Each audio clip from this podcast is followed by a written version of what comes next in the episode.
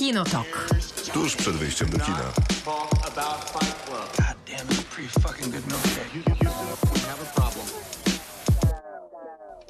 Krzysztof Majewski. Miłosława Bożek. Maciej Stasierski. Dobry wieczór. To audycja Kinotok, które jutro będzie podcastem, który będzie trwał trochę krócej niż audycja, bo ta dwie godziny, a podcast trochę ponad godzina. Jesteśmy dostępni na Spotify'u i z przyjemnością zobaczymy tam nowych obserwujących, a także osoby, które wystawią na przykład pięć gwiazdek, bo tyleż można wystawić na Spotify'u. A jak mówi regulamin tej audycji, jeżeli macie Tak coś rozumiem, tylko, wystawiać... tylko te osoby będziemy... e, Tylko. Juka, przestań szarpać ten mikrofon. Siedzimy tu od 10 minut. No bo tu się nagle Myślałem, że- okazały myślałem, że rzeczy. powiesz jej, że od 10 lat tutaj generalnie w radiu. ja, ja ostatnio circa. liczyłem. Jeszcze nie. Jeszcze, Tak. jeszcze nie? Chociaż zależy, jakie radia liczyć. Nie w tym. A, Więc zapraszamy na program, który będzie o filmach i serialach, y, a zaczniemy od tematów ważkich. Maciej, jak było w Cannes? No. Słyszałem, że jedzenie słabe. słabe. Drogo. Zaznaczmy, że Maciej był w Cannes, ale uczestniczył też w festiwalu, Nie, tak, natomiast nie- jest człowiekiem, więc jeść musi. Nie byłem tak przypadkowo w Cannes i w okresie festiwalowym. Myślę, że bym wybrał jednak inną datę. Powiem tak. Co było najlepsze, co zjadłeś? To na Oj początek. nie, już zostaw to jedzenie. Już mieliśmy program, jak Maćka nie było. Yy, A czekaj, czekaj, jaki- Kambodżański street food. O, to nawet ja jestem zaskoczona. Jak to na Cannes przystało? Tak, prawda? A na drugim miejscu było tajskie jedzenie, więc generalnie powiem tak. Francuzi nie ogarnęli, mule fatalne, wszystko źle, naprawdę. Światowa stolica kulinariów nie zdała próby. Nie, tak, naprawdę. Mm-mm. Przed twoim wyjazdem dużo rozmawialiśmy o twoim czarnym garniturze. Nie ubrałem. serio? No, Ani razu. Kupiłeś go specjalnie na ten wyjazd. No, ale teraz może się przyda na jakiś pogrzeb.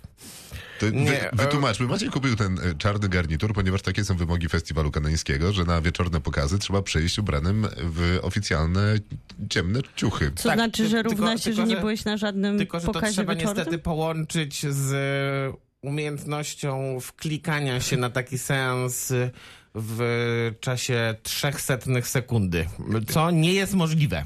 Bo system rezerwacji biletu Jest na następny gorszy dzień... niż na Nowych Horyzontach tak o trzy klasy. Okej. Sporo to informacji nam dostarczasz na temat tego festiwalu, jak na razie same słabe. Ogólnie to po pierwszych dwóch dniach, kiedy mm, nie wklikałem się prawie na nic i, i dwa dni padało, to pomyśl, miałem, takie, miałem takie odczucia, że to będzie mój pierwszy i ostatni festiwal w Cannes. No bo jednak pojechać na e, Rivierę francuską i zaliczyć deszcz, deszcz, deszcz, złe jedzenie i pewnie wysokie ceny, to nie jest jakaś Tak, tak. bajka. No, jeszcze dodajmy do tego... mm, Dobre filmy? Tak. Na szczęście tak. Anatomy of Fall Just- Justine Triet widziałeś, czyli zdobywczyni Złotej Palmy. Tak, rzeczywiście, jest to znakomity film. Naprawdę jest to znakomity Cieszę się, że film. pracujemy razem od paru lat. y, Mogli liczyć na bogatą wypowiedź.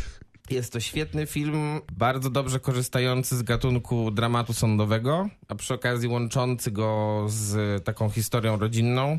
No a poza tym y, Sandra Hüller, która gra główną rolę w tym filmie, aktorka, którą myślę, że w Polsce nie kojarzy się za bardzo, no bo Tony'ego Erdmana to pewnie obejrzało z 4000 widzów.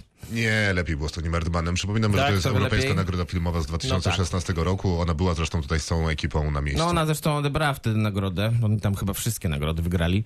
I, I ona tutaj, no ten film jest dzięki niej, tak naprawdę. Zresztą ona, ona też trzyma ten film. na tych europejskich nagrodach filmowych. Tak, Chciałbym zaznaczyć, też ubrani na czarno, przynajmniej ja.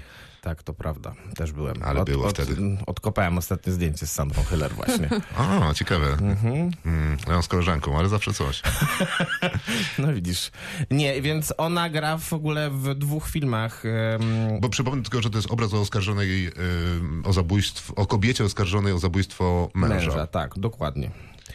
I ona y, jakby tutaj mm, na dwóch płaszczyznach się toczy ta cała historia. Na jednej to, jedna to jest właśnie ten dramat rodzinny, gdzie są retrospekcje, gdzie jest pokazywana też historia syna tych bohaterów, który po jakimś wypadku, który się wydarzył wcześniej, zanim się zaczyna fabuła filmu, mm, właściwie praktycznie w całości stracił wzrok. No i e, przez to relacja pomiędzy, pomiędzy żoną a mężem bardzo e, się pogorszyła. E, No bo ona generalnie właściwie oskarżyła go o to, że nie dopilnował e, syna, który miał przez to wypadek. No i na tej podstawie trochę prokurator buduje, e, buduje os, akt oskarżenia, no bo nie ma żadnych tak naprawdę mm, Znaczy my w, retros, w retrospektywie dowiadujemy się, rozumiem, jakieś, co się wydarzyło, Tak. bo jesteśmy na sali sądowej. Mhm, tak, dokładnie. Okej, to brzmi jak bardzo klasyczny film. Bardzo klasyczny, ale bardzo dobrze korzystający z tych klasycznych jednak schematów. No i jest w tym filmie scena w, właśnie w ramach retrospekcji, którą można byłoby porównać do tej sceny, która jest pomiędzy Adamem Driverem a Scarlett Johansson w historii małżeńskiej. No tylko jest różnica pomiędzy tymi scenami taka, że mm, oni w, u Baumbaka jednak są w On miarę tego nie przeżywa. w miarę równymi, e, równymi ludźmi. Tak, znaczy w sensie są w miarę równymi A tak, tak, tak. przeciwnikami. Mówiłeś o tym, że, kiedy Tak. się łączyliśmy. A tu nie. no Przypominam, nie. że y, Justine Triet wygrała z takimi legendami jak Ken Loach, Wes Anderson, Marco Bellocchio i Wim Wenders. Było trochę chyba głosów, które mówiły, że no okej, okej, Justine Triet, świetny film, brawo, ale ten Wes Anderson, Nie, no głównie były jednak głosy, że powinien wygrać Jonathan Glazer. który wygrał Grand Prix, polsko-brytyjska koprodukcja.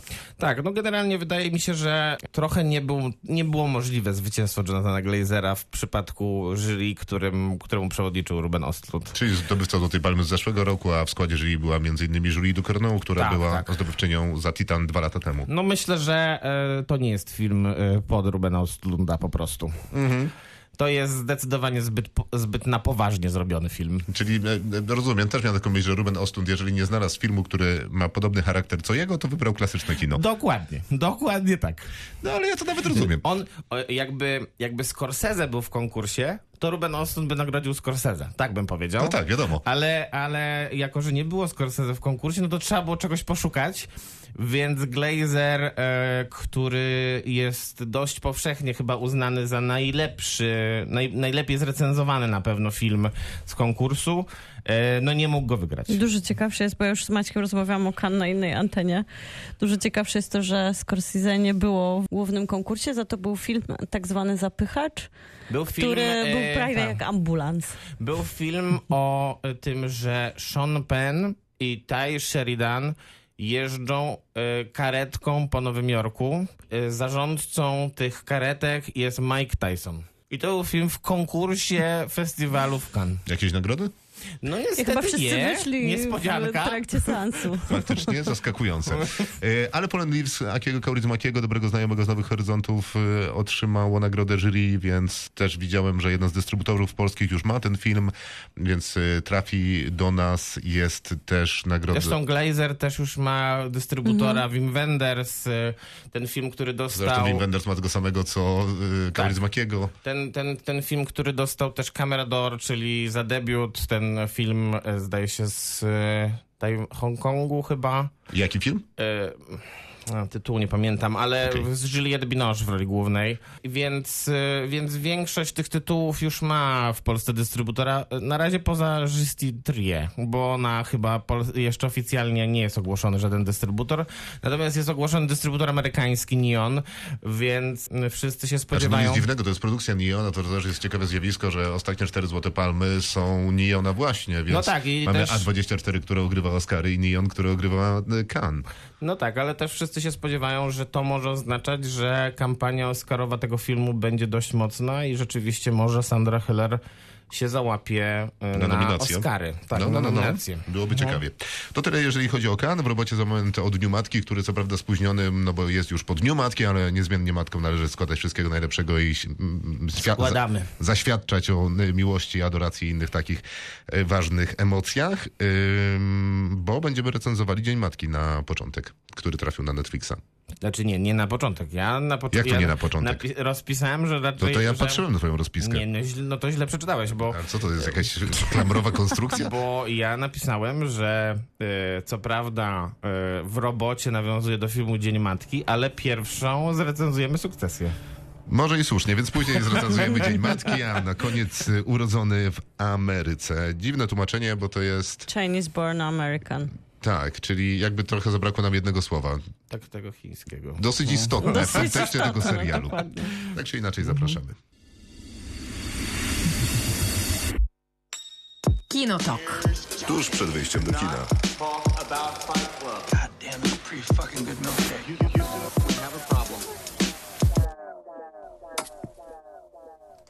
No to czas na w robocie. W robocie, przypominam, dotyczyło matek, najlepszych filmowych, e, serialowych. Tak? Tak, najlepsze to jest moja mama, ale myślę, że każdy tak myśli o Nie, nie, swojej nie, no mamie ale i filmowe powinien i jej tak serialowe. mówić cały czas. Filmowe i serialowe, chyba że może twoja mama gdzieś grała. wszystkie mamy. Czy moja mama gdzieś grała? No, Zaraz jej zapytam. nie, bo to w sumie może. Weź napisz, Całkiem napisz tam wiadomość. SMS-ka Tymczasem Piotr. Urlop na malowniczej greckiej wyspie profesorki Lidy Caruso to Olivia Colman zmienia się w podróż w czasie pełną gorzkich refleksji nie tylko na temat macierzyństwa córka z 21 roku tego wieku. Świetnie. Świetnie. Olivia Colman zawsze świetnie. Im dalej, ty- co ty im dalej jestem od lubisz? obejrzenia tego filmu, to tym jakieś lepsze Ale co, emocje nie mam z tym związane. matki? To Nie, jest córka Córki. film. No. y, y, film to córka, matkę też widziałem, y, ale od córki im więcej czasu mija, od kiedy obejrzałem ten film, tym lepiej go wspominam. A, A. wcale mi się jakoś super nie podobało, jak obejrzałem. A nie, to mi się podobał film, ale myślę, że matką to ona nie była dobrą akurat. Ale to tam. chyba nie są takie, naj... że muszą być super matki, nie, tylko rozumiem. najbardziej takie, Fajnie, które... że przed momentem się na to zgodziliśmy. Nie? Ale wiesz, najlepsze, które też najbardziej ci utkwiły w tak, tak, pamięci. tak, oczywiście. To można A nie, że takie, które są najkochańsze i najsłodsze. Jak Tru- moja mama. Albo moja. I moja. No już. Trudno jest być matką, ale nie mojej matce. Charyzmatyczna i magnetyczna Tilda Swinton boryka się z wychowaniem demonicznego Muszę syna. sk- skreślić. To oczywiście musimy porozmawiać o dwa razy chyba Kevinie. No tak, jasne, ale to się dosyć łatwo nasuwa. Jeżeli ktoś widział ten film, to tę matkę zapamiętał. E, e. Catherine Hepburn, Susan Sarandon Chociaż czy Laura bardziej Dern. w kontekście teraz dorobku jej syna, to można pomyśleć, że jego się zapamiętało z tej roli. Bo on tam jest psychopatycznym nastolatkiem, a, Teraz jest psychopatycznym teraz nie jest nastolatkiem. W psychopatycznym realu. aktorem w realu. Wiele się nie zmieniło. Czy Laura Dern to między innymi mamy czterech małych kobietek. Trudne relacje matki Aurory Greenaway, Shirley MacLaine i córki w miłym, ciepłym filmie Czułe Słówka. Dramat matki to Brie Larson, która decyduje się uzmysłowić synowi, że pokój, w którym się urodził, to nie jest cały świat. I jeszcze serialowa mama. Chwila, dramat matki Brie Larson to był pokój chyba. Tak. E, po prostu. To był E, pokój, tak jest. Tak. Mam zdjęcie z reżyserem zrobione przez Michała Hernesa. Jestem z niego bardzo dumny. A widać coś na tym zdjęciu? Tutaj to jest taki inside joke, Mogę- ale trzeba wytłumaczyć, że jest to kolega Maćka, a nasz wszystkich kolega, ale kolega jeszcze przy okazji tak zawodowo z Watching Closely i on robi najlepsze zdjęcia na świecie z gwiazdami, ale trzeba naprawdę obczaić te zdjęcia, bo nie da się tego opowiedzieć. To będzie przyjemność dla was czysta. Więc ja wam zaraz pokażę to zdjęcie i niech ktoś powie, czy na zdjęciu jestem ja, czy Miłka. Kolejny głos, że, że Tilda Swinton, musimy porozmawiać o Kevinie. E, Darek Mamusia z Goonies nie jest moją ulubioną, ale na pewno bardzo charakterystyczną. Jackie z Królestwa Zwierząt i tu zakończę same złe filmowe mamy mi się przypominają. A jeszcze Sarah Connor, opiekuńcza, dzielna, konsekwentna, kochająca i załączone zdjęcie od Krzyśka razem z jakimś poważnym karabinem, no bo to taka mama No, taka przecież. mama. Wiadomo. W sensie mama nie taka, ale czasy takie, w jakich jej Mama przyszło żyć. najlepsza. I Martyna wrzucą upiorną Diane Ladd w Dzikości Serca, O. cudowną Patricia Arquette w cudownym Boyhoodzie i nieoczywistą Ledę w interpretacji Olivia Colman w Lost Daughter. Czyli w córce. Tak.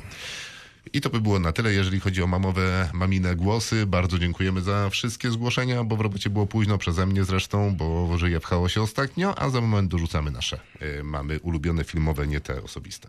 Kinotok. Film. Czas na drugą część w robocie. Y, Przypominamy sobie ulubione filmowo-serialowe matki. Bo naszych nie musimy, bo są najlepsze. I zawsze o nich pamiętamy i mamy je w sercu i w umyśle. Natomiast może zaczniemy już od tych filmowo-serialowych. Ja mogę zacząć. Możemy, się, możemy też Możemy zrobić po jednej. To, to tak no. jest zdrowiej. Y, Emily Blunt w cichym miejscu? No i już skreślam. No, Okej, to skreś też masakra. Emily Blunt w cichym miejscu dwa. Bum. Bum. Ale możesz powiedzieć o tym, że to jest taka, że jak ostatnio Dead Ringers nas nauczył, że poród to jest jedno z trudniejszych elementów w kobiecym życiu, to Emily Blunt nie tylko rodzi po cichu, ale jeszcze jest w stanie całe swoje potomstwo obronić Ale przed to- potworami. To ja nie muszę mówić, ty mogłeś to przecież powiedzieć, no, jeśli głosu nie odbieram. Ale faktycznie to jest ciekawe macierzyństwo, ponieważ y, no tam dla mnie to są bardzo takie trudne i dramatyczne sceny, że oni się zdecydowali na potomstwo, bo oni mają przecież dziecko, które urodzili już po tej apokalipsie, do której doszło. A A przypominam, w że trakcie. Znaczy, no, po początku tej Mm. apokalipsy. Yy, więc wydaje mi się, że to jest szalenie trudna decyzja albo brak antykoncepcji, ponieważ oni przecież muszą się borykać nie tylko z niemowlakiem, który, no, ma wszys- który organizuje wszystkie problemy, które normalny niemowlak organizuje, to w dodatku nie może się drzeć, więc muszą go trzymać w jakiś, no, w skrzynce, która jest wyścielona jak, jakimś czymś, żeby nie było go słychać. No więc wydaje mi się, że mało taka praktyczna bardzo decyzja o dziecku, więc Tak, zwłaszcza, że oni ma, doświadczyli utraty jednego ze swoich dzieci, więc znają ten dramatyczny ból. Tak, tak, to wszystko prawda, y, więc y, no trudne to bardzo y, takie matczyne losy i myślę, że bardzo fajnie rozwijają się, zwłaszcza w drugiej części, bo tam jest więcej matki siłą rzeczy, nie spoilerując nikomu, ale tak właśnie jest. E, I też myślę, że ta postać jest pod tym kątem rozbudowana. To ja mam Mitzi Fabe, Fa, Fableman, o, żeby pięknie powiedzieć. O, brawo. Oj. Steven czyli, Spielberg. czyli, czyli ta rola, której Krzysiek tak bardzo nie lubi. A ja bardzo ją lubię Nie, to ty myślę, wymyśliłeś, że... że tak bardzo jej nie lubię. Ale nie lubisz jej. Nie, nie przepadam za filmem. Steven Spielberg miał tro, tutaj taką trudną w sumie opowieść w kontekście pokazania swojej matki, bo z jednej strony chciał opowiedzieć historię o tym, jaka, było, jaka była niesamowitą kobietą, jak go nauczyła wrażliwości do filmu, oczywiście tym językiem tej, tej opowieści, tak, tej opowieści filmowej, której wiemy, że to on jest jednak tym chłopcem. Ale też przyniosła sporo trudów dla tej rodziny, więc była taką postacią mocno dwuznaczną w Lekko kontekście. mówiąc. No bo nie chciałabym spoilerować dla kogokolwiek, kto nie widział w, jednak tego filmu, to to może być zaskoczenie, bo, bo pojawiają się tam pewne rodzinne problemy, które wynikają z decyzji Michelle Williams, czyli Mitzi. I, I on oddaje jej honory. I to jest bardzo delikatny materiał, żeby pokazać kogoś w sposób czuły i wrażliwy, opowiedzieć, jak ważny był w życiu, jak niesamowicie dużo rozwojowo dał, ale jak czasami te egoistyczne decyzje też zmieniają całą narrację w rodzinie.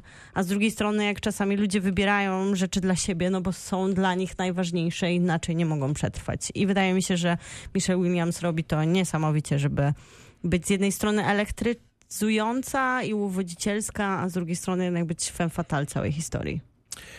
To ja mam Michelle Yeoh jako Evelyn w Wszystko Wszędzie Naraz. Wiadomo, też się miałam na koniec, bo się dobrze łączy z naszym serialem dzisiaj. Eee, myślę, że.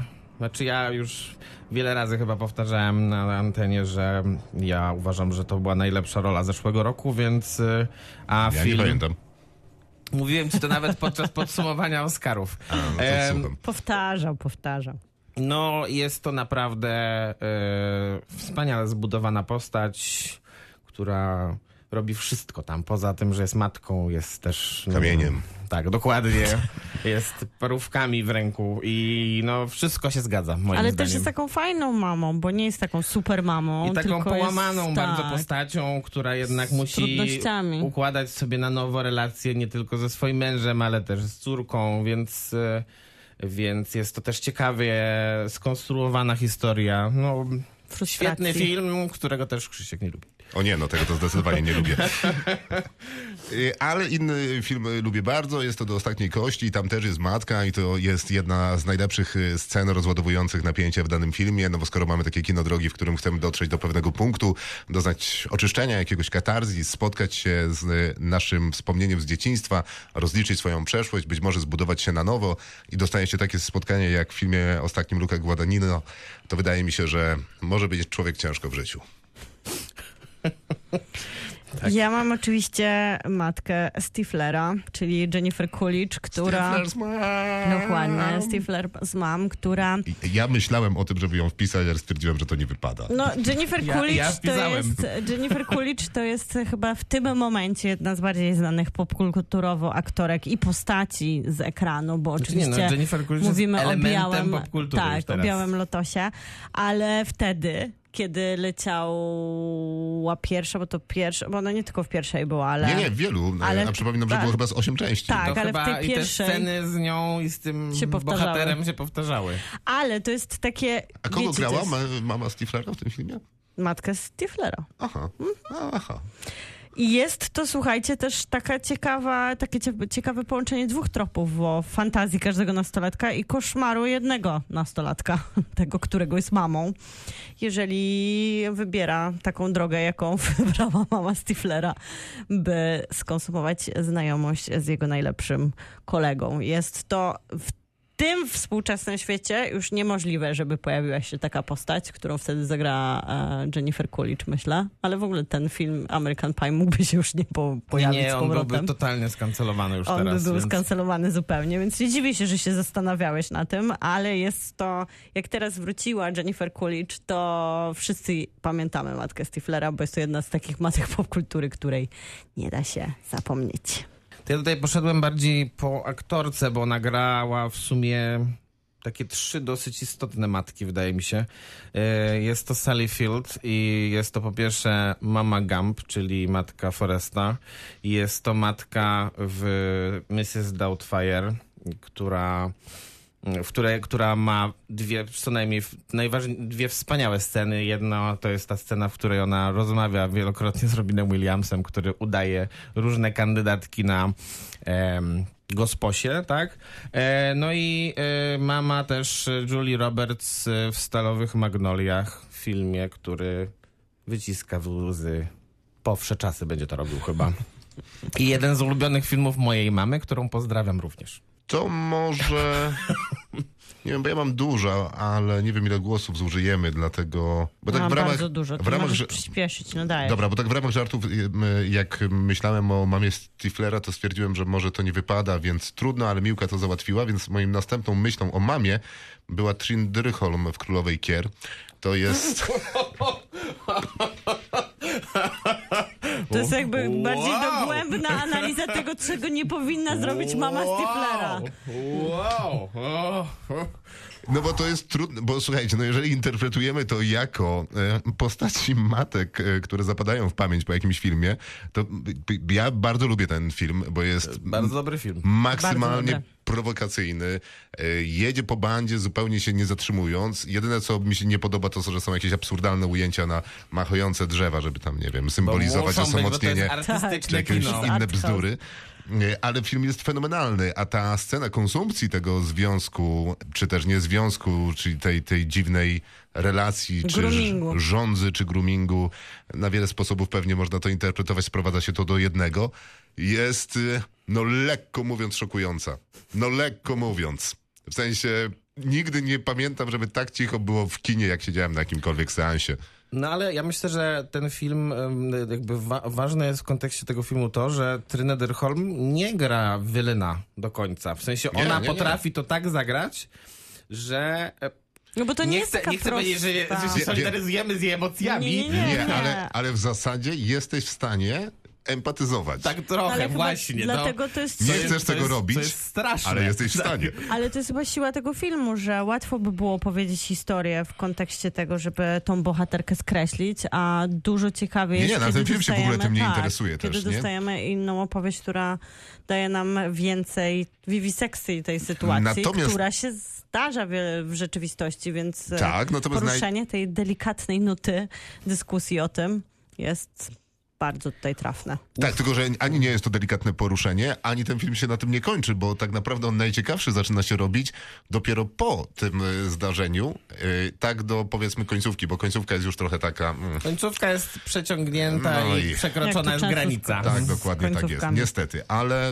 y, film jest Bardzo mocny. dobry. To ja mam trójkę matek i wszystkie w jednym serialu, a to oczywiście Gra o Tron i mamy Matkę Smoków. I Daenerys się naprawdę wykazała w kontekście tego, że no jednak obudziła te jaja po latach. Mamy... I wszystkie tutaj tematki złe decyzje podejmują i Przepraszam, jak to albo... brzmi, obudziła te jaja. To, Właśnie na moment wyłączyłem i wpadłem trochę to w panikę. jest wspaniałe. Słuchajcie, no to smocze jaja czekały na Daenerys i w matkę.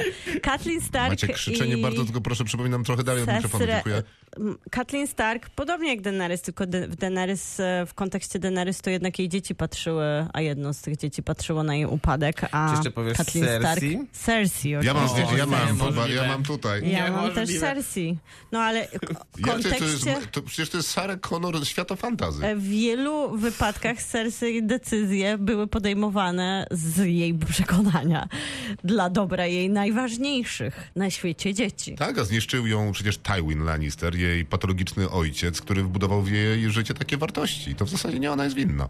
Więc wszystkie tematy... Śmierci Okej. milionów. Dobrze, no wierzę wam, No, że, ale to że wiesz, w to wierzycie. Jeżeli chcesz y, bawić się w takim moralny, moralny zakład, to No, y, ile osób to jest wystarczająco, żeby uratować swoje dzieci? No. To jest, ile osób poświęcisz? To nie jest rozmowa, którą chcę prowadzić. No i po sprawie. A ja mam, to, to dobrze, tak, tak, takie kontrowersyjne, to ja mam teraz... em, jest taka postać matki w filmie Psychoza Alfreda Hitchcocka i grają Antony Perkins. I, jest to jedna z bardziej zaskakujących matek e, chyba w historii kina rzeczywiście, jak w końcu się pojawia. No pierwszą, ta, e, tak, to na pewno, ale pierwszą taką matką, którą ja pamiętam, że to była ciekawa perspektywa, być może byłem za młody na ten film, ale oglądałem go później e, i jakby trochę więcej po prostu wiem o świecie, nie żebym jakoś lepiej rozumiał matki, no bo jakby z, z możliwości biologicznych nie będę w stanie, E, ale Matka Xaviera Dolana to był e, film taki, który był ciekawym spojrzeniem na macierzyństwo, e, które, w którym ktoś mówi, no okej, ale nie. I y, poza tym robi to Xavier Dolan, więc to jest znakomity reżyser, człowiek wielu subtelności, znakomicie prowadzący aktorów, więc efekt jest taki, że jakby żyje się tą historią i ono zostaje na długo, a poza tym to nie jest publicystyka, bo on jednak opowiada swoją historię niepublicystycznie, ale jako punkt wyjścia do dyskusji, zastanowienia się, zmiany perspektywy, no znakomite rzeczy. To ja a- mam Patrycję Clarkson, słuchajcie, i ona zagrała dwie, no pewnie zagrała więcej matek, ale dwie, które pamiętam. Jedna to jest e, Rosemary w Easy A i to jest taka super mama, taka mama, którą każdy by chciał mieć. Tam Co, w co to ogóle... jest Easy A? Easy A to jest film z Emmą Stone Tak, na podstawie sz- szkarłatnej litery Nathaniela taka Hawthorna. wariacja młodzieżowa. Tak. I Stanley Tucci i właśnie Patricia Clarkson to są rodzice e, bohaterki. Każdy by chciał, żeby jego Tak. ojcem, ojcem był Stanley no, Tucci. i Patrycja Clarkson też, bo oni są tacy Tak, mądrzy, rozumiem. wrażliwi, wspierają swoją córkę, a później ona się pojawia w serialu Ostre Przedmioty, gdzie jest najgorszą matką. Mam, stronie mam ostre barykady. przedmioty też. Więc ona To jest zagrała... moja kategoria trudne relacje. Tak, trudne relacje to jest, to jest dyplomatyczne określenie Patricia Clarkson w ostrych przedmiotach. I zagrała tak różne strony barykady właśnie. Z jednej strony taką super wspierającą cool mamę, można by powiedzieć, bo to jest taka, t- taka przestrzeń, w której można sobie pogadać, można się wesprzeć, a też z drugiej strony jest dużo dystansu i kiedy trzeba postawić kropkę, to się stawia. A o ostrych przedmiotach, no to jest matka, która wysysa, dosłownie wysysa, żeby też nie spoilerować, jeżeli ktoś ma ochotę nadrobić świetny serial, wysysa życia ze swoich córek bardzo konsekwentnie przez wiele lat. Ale Easy A to, to, to no, nie najlepsze chyba było, bo wydaje mi się, że widziałem jakiś fragment Nie, kiedyś. nie było Ja ta- najlepsze. ja tam znaczy, lubię, nie było takie złe. Ale tak, kategoria wiesz. e, film Young- Trudny niedzielny poranek. Tak. tak. e, to do przełknięcia, bo to była jedna z pierwszych takich dużych ról Emmy Stone. Tak, tak, tak. No Gdzie ona jest super tam. Okej. Z takich, ja nie wiem, to, czy, czy Lady Jessica to jest, e, Tak. m, Tak. to jest toksyczna matka, czy raczej Nie. taka wspierająca? Ja bym w kontekście Duny powiedziała, że jest jak najbardziej wspierająca. Czy tak się składa, że akurat jestem po lekturze Duny. Proszę bardzo. Bo byłem na tygodniowym urlopie, coś trzeba robić na urlopie. Mhm. I tak to jest toksyczna matka. Jednak, Dziękuję. tak coś czułem. No przecież już nawet w filmie tej części pierwszej, którą widzimy, no przecież ona literalnie skazuje go na tortury.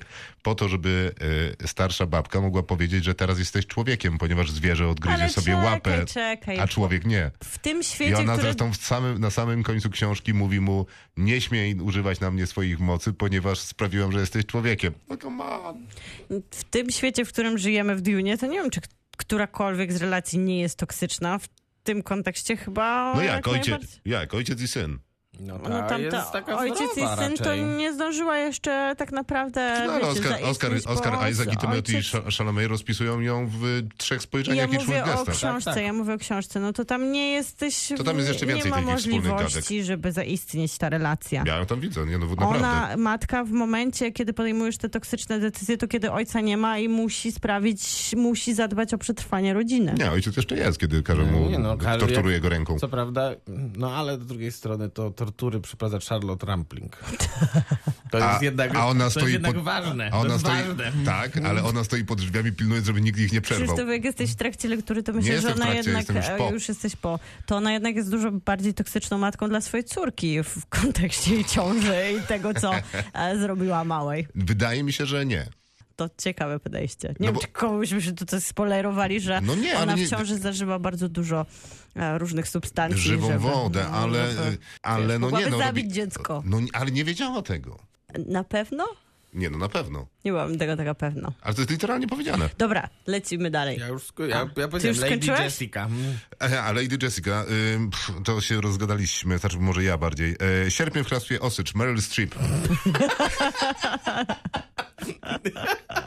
Mój ulubiony ty, film. Ty, ty widzę, ty widzę tak, e, e, tak postanowiłeś w swoich głosach włożyć kij w swoje mrowisko. Tak bardziej. jest. Miały być matki, które zapamiętałem. No naprawdę mało widziałem takich filmów, który aktorka, którą naprawdę ja uważam, że ona jest wybitna. I nazywa się Meryl Streep. Może być tak niewiarygodnie irytująca swoim aktorstwem. Ja nawet nie pamiętam, co ona mówi. W sensie, ale widzę jej twarz Nikt i widzę, jak ona się na Pamięta tylko śmie- jak pali. Tak, i na śmierć się zagrywa. No, nie sądziłem, że tak można się zagrywać odpalając papierosa. No przecież to jest niewiarygodne. Straszna rzecz. Tak, o papierosach to Angelika Houston w Royal Tenenbaums, gdzie ona nie pali, ale jej córka dużo nadużywa papierosów. I jest tam cudowna i przecież to też jest Morticia Adams z rodziny Adamsów, Wiadomo. więc jeżeli chodzi o tak, matek. o kreację takich zapadających w pamięć matek, to myślę, że jak... E, no, teraz już będziemy się kłócić, czy to już jest twój nieulubiony reżyser. Wes Anderson? Tak. No tak, teraz to już... Teraz już nie wiadomo, co z tym zrobić problem. po Cannes, jak No, widziałeś dwa razy problem. jego film, no ale... Ja e, ostatnio strasznie dużo mam problemów tego typu. klan, czyli- Malik, Iñárritu, Anderson. Już nie zostanie mi nikt do Starość, nienawidzenia. po no, prostu tylko będziesz wszystkich kochał. No właśnie, no właśnie. Więc tak. Maciek, ty już skończyłeś? Nie, ja mam. y, o tym filmie chyba wspominałem parę razy. Serial Mom, mama, Mhm. którą gra Kathleen Turner w filmie Johna Watersa, mm, y, która generalnie postanawia wymierzać sprawiedliwość za to, że ktoś, nie wiem, ma niedobrze przystrzyżony e, ogród albo, e, albo źle wyrzuca śmieci, więc morduje wszystkich, jak, jak, jak leci. Jak Serial Mom. No i tak robi. I robi to do końca właściwie, bo... e, Nie spoileruj. Tak. Nie wolno, to, jest, to, to, to nie będzie spoiler, ale nie wolno zakładać białego stroju po em, święcie pracy. Nie, To nigdy, jest, absolutnie. To jest ważna rzecz. Nie, ja nigdy nie założę.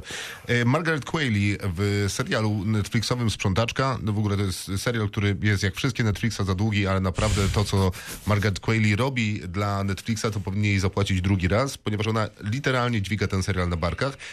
Przy okazji jest bardzo solidny. Ja do dzisiaj pamiętam Przy to. okazji gra tam ze swoją mamą. Tak, to prawda, ale to już nie jest takie solidne. I ona gra tam fatalną postać Andy McDowell. Naprawdę jest to fatalnie fatalną. napisana postać po No prostu. tak, tak. I, I to w ogóle jest fatalne. To jest najgorsza część tego serialu, poza tym, że jest trochę za długi.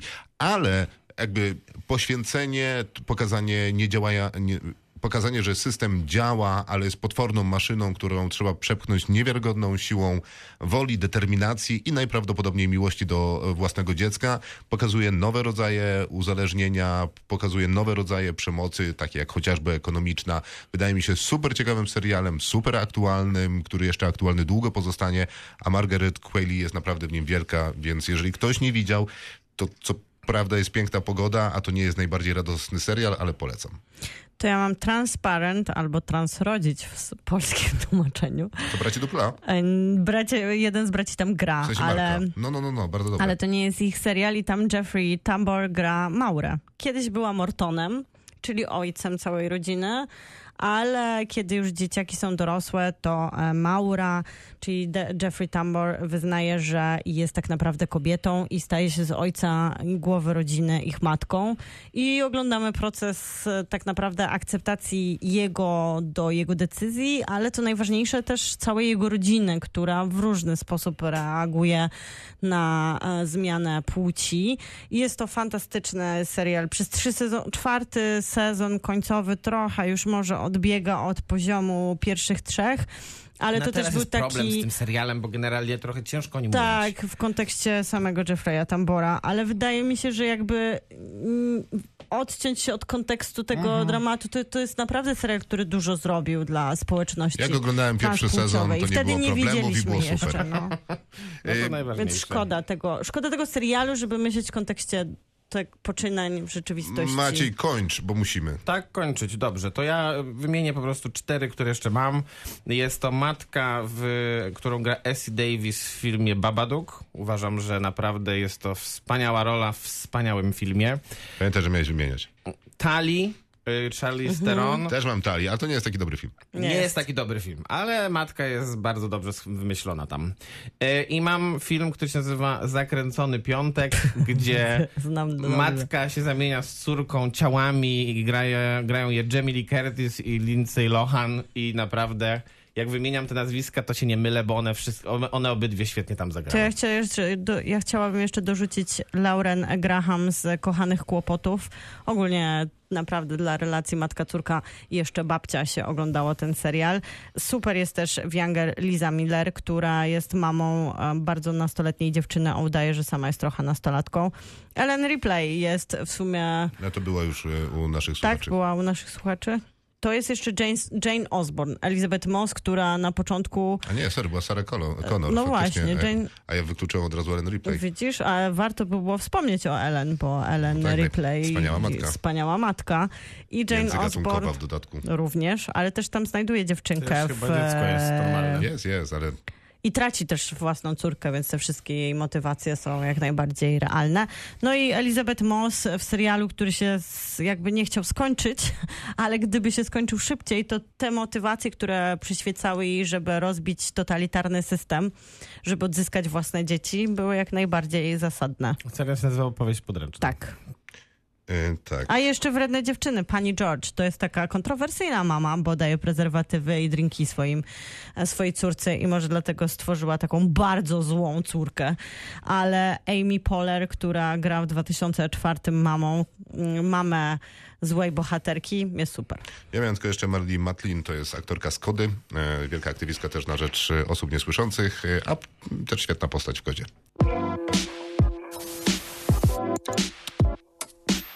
Kinotok. Serial. To jest jeden, jedyny serial, który może być e, tak dobry. Jest jeden serial, by rządzić nimi wszystkimi. Nazywa się Sukcesja. Ja teraz oglądałam takie zestawienia amerykańskich aktorów, różnych takich, wiecie, A-list, największych gwiazd e, w Hollywoodzie w tym momencie.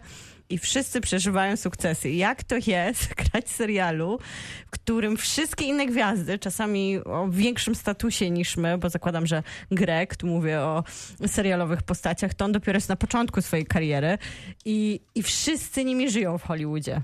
Wiecie, największe postaci. Po prostu nie mogą się doczekać, jakie będzie rozwiązanie czwartego sezonu. To pokazuje, jak wielki jest to fenomen, a zupełnie przecież inaczej szyty jest ten serial niż Gra o Tron, która wiadomo przez te osiem sezonów epickiej telewizji ze smokami, królewnami na tych smokach i wielkimi kazirodczymi związkami, no wywołała też taką popkulturową falę przeżywania tego wspólnie na różnych od festiwali przez wystąpienia publiczne, a sukcesja ma jednak zupełnie inny sposób opowiadania swojej historii. Wydawałoby się dużo mniej zhypowany, a stała się również wy- fenomenem. Wydaje mi się, że jednak y, to, w jaki sposób pisze Jesse Armstrong, Ja nie odbieram jej, rozumiesz? Jest, ja się zgadzam jest z tym fenomenem. Oczywiście. Jednak w To jest sensie- zasłużony fenomen. Znaczy to porównanie z y, Grą o Tron, y, to co jest, jest zupełnie inne porównanie skali, nie? Bo jednak No tak. sukcesję ogląda y, coś tam powyżej pół miliona na odcinek. Garstka w kontekście gry o Tron. A Gra o Tron pewnie tam z 25 milionów, albo i lepiej, nie pamiętam dokładnych danych, ale to Dużo, jest dużo, gdzieś, tak, tak, to są tak, te tak, rzędy tak. wielkości. Więc mówimy w zasadzie o serialu, który jest, y, no jak zabawnie by to nie brzmiało, ale jednak niszowy. Tak, a No z tak. drugiej strony w kontekście jego takiego wpływu na branżę, na tych aktorów i na trochę rozwój telewizji jest ogromny, jak na takie, taki art No house. tak, myślę, że Jeremy Strong to jest, to on jest pewnie największym beneficjentem teraz e, tego sukcesu, sukcesji. Tak, przypomnijmy też, że mówimy o tym, że o serialu, który jest tak dobry, ponieważ wszyscy jednoznacznie zauważają, czy się znają na serialach, filmach, czy zajmują się tym zawodowo, czy po prostu oglądają seriale, zauważają, jak dobrze napisany jest ten serial. W dialogach, jak świetnie aktorzy potrafią te kwestie I wygłaszać. jak świetnie są zagrane, tak, bo mówimy- to musi być spójne. A mówimy to w momencie największego strajku scenarzystów, y, w- który trwa w Stanach Zjednoczonych od kiedykolwiek, bo te, które były kilkanaście już teraz lat temu, nie są tak duże jak te, które są teraz.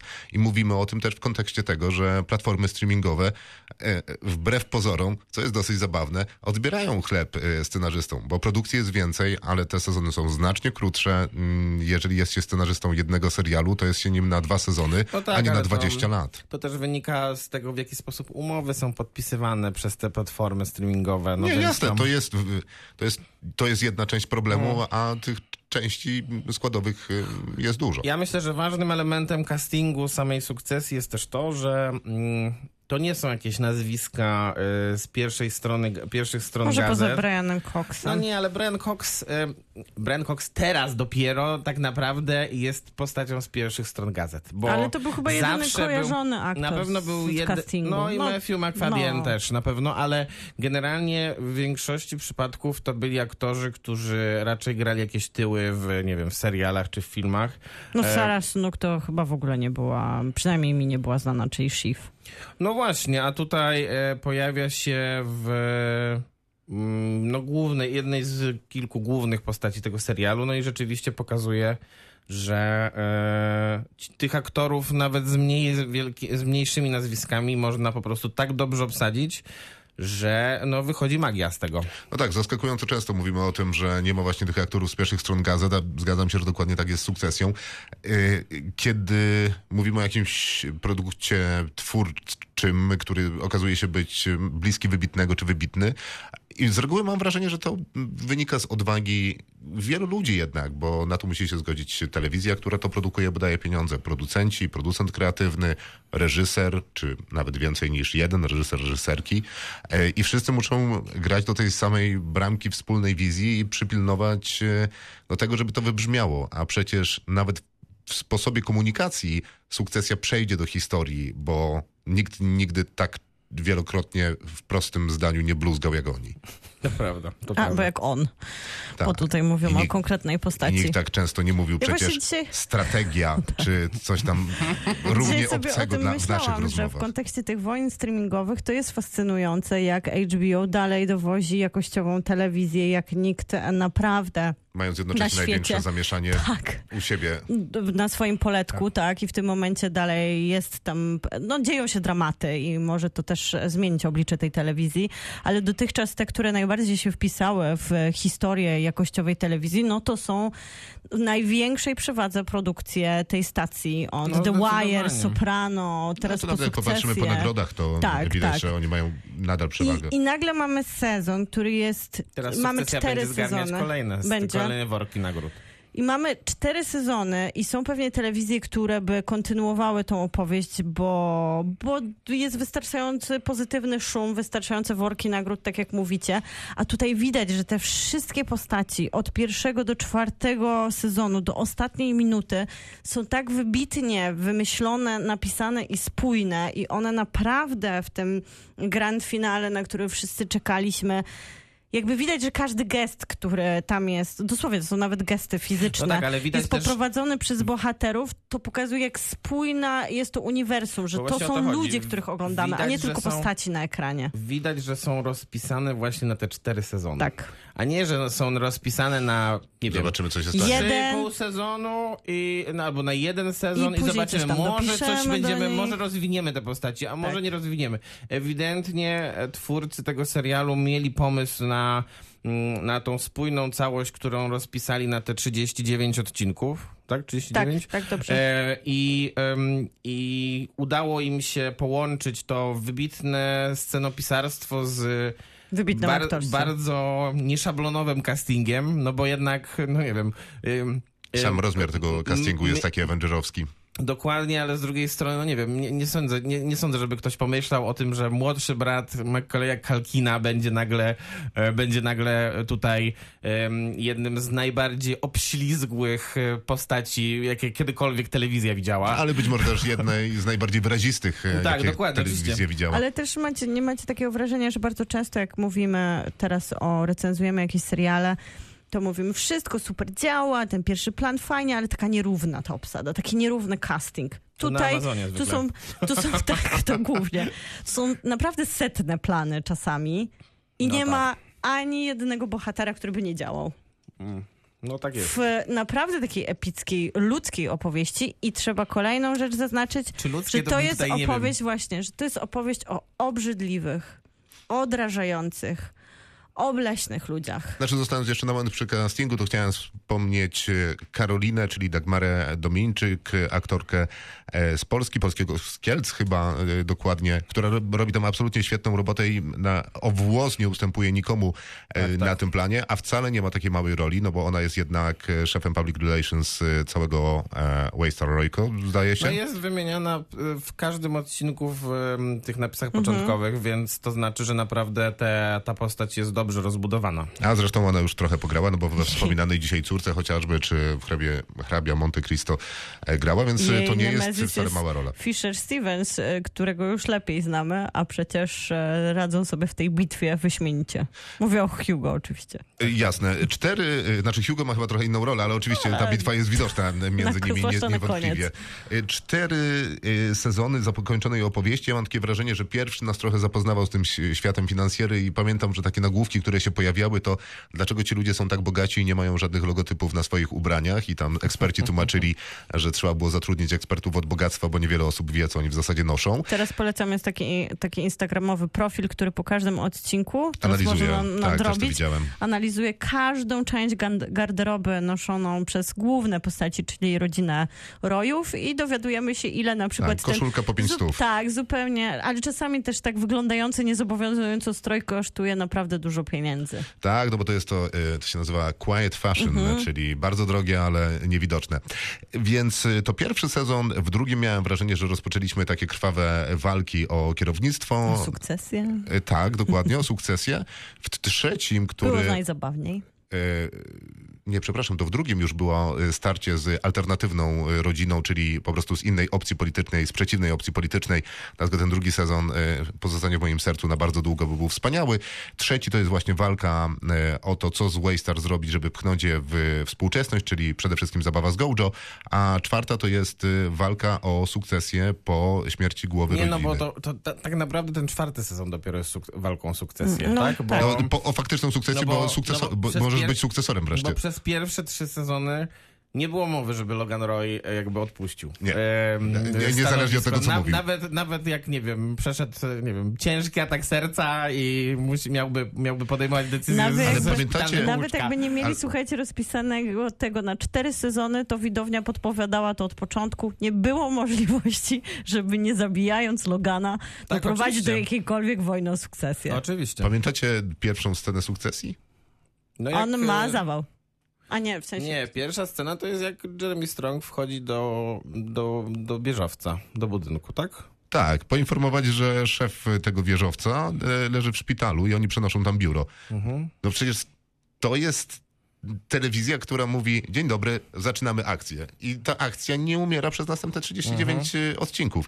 I to prawda, że oni na przykład moim zdaniem w trzecim sezonie zmienili kompletnie ton y, sukcesji z takiego poważnego, ostatecznego świata cyników o olbrzymiej władzy wynikającej z olbrzymich sum, które trzymają na koncie, więc zarządzają olbrzymimi masami ludzkimi jednocześnie, przenosząc te pieniądze. Na zjadliwą satyrę. Zwłaszcza w sezonie trzecim. Tak, tak, tam jest I w czwartym szukając gdzieś jeszcze takiego bardzo silnego, jednoznacznego komentarza na temat całego, ca, ca, całej rodziny e, rojów, No, czyli skrajnych opor- przykład, No tak? tak, tak, tak, ale skrajnych oportunistów, którzy dla władzy ja nawet nie wiem, czy oni mają jakąś agendę polityczną, poza Nie, tym, chyba że nie mają. Ewidentnie nie mają, bo generalnie każdy, kto- każdego, kogo zapytałbyś e, z trójki rodzeństwa, Znaczy myślę, to że wspiera kogo coś... innego. tak naprawdę. Ale, e, czyli Bo głównie Shiv- tego, który im się opłaca. No tak, no, Dokładnie. e, znaczy Shiv ewidentnie jest jakąś tam, wspiera, jakoś tam wspierająca demokratów, Przynajmniej ale, jest zdeklarowane. ale, ale, ale myślę, że Roman, szczególnie Roman, to Dla mnie to też było poszedłby ciekawe... tam, gdzie było więcej pieniędzy po prostu, te albo więcej możliwości, żeby wpływać na sytuację na świecie, czy na, na sytuację w Stanach. że te wszystkie cztery sezony opowiadają właśnie tak, jak e, mówicie, trochę wiwisekcja bogactwa, trochę mechanizmów, jakie rządzą na najwyższych stanowiskach, kiedy dzierży się władzę, trochę polityki, trochę mediów, wszystkich tych rzeczy, które są teraz on top, zwłaszcza takich w kontekście nadużywających władzy CEO firm, którzy robią rzeczy, które mogą prowadzić do kancelowania, ale jak wiemy, ta piramida się nie kończy i tylko czasami leci jakaś głowa, która ma coś zamaskować, ale to jest też opowieść o niesamowicie toksycznej rodzinie. I z jednej strony ona jest obudowana pieniędzmi, ale ta toksyczność wynika też z takich psychologicznych zabiegów, które ojciec uprawiał przez całe życie na swoich dzieciach. I oddźwięk tego, no to są te potworne wynaturzenia emocjonalne, które się tutaj rozgrywają.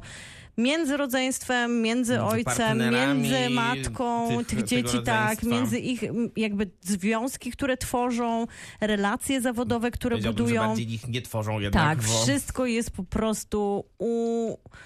zakorzenione w tej toksyczności, a najbardziej świadomym właśnie tym, co pokazuje mi, jak świetnie jest rozpisany ten serial, to jest relacja Shiv i Toma, czyli małżeństwa, które trwa przez cztery sezony, bo inne związki na, na naszych oczach się zawiązują i rozpadają.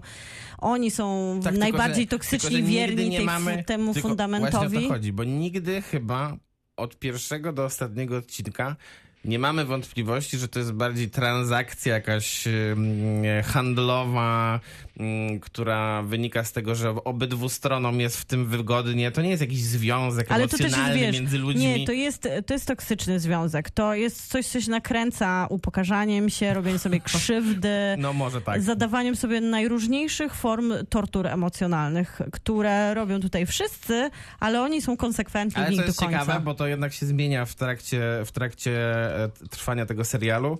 Na początku jednak głównie Shiv robiła ten, Tak. te tortury, przeprowadzała, a potem nagle Tom postanowił jednak, że się wyrównają rachunki, więc, e, więc jego postać się też bardzo mocno zmieniała e, w trakcie, w trakcie trwania serialu. Myślę, że nie był jedyny. Ewolucja postaci, które wydawałoby się, że już mamy określone, najpierw w pierwszym, później w drugim, później w trzecim sezonie, w czwartym kolejne widzimy transformacje tych bohaterów.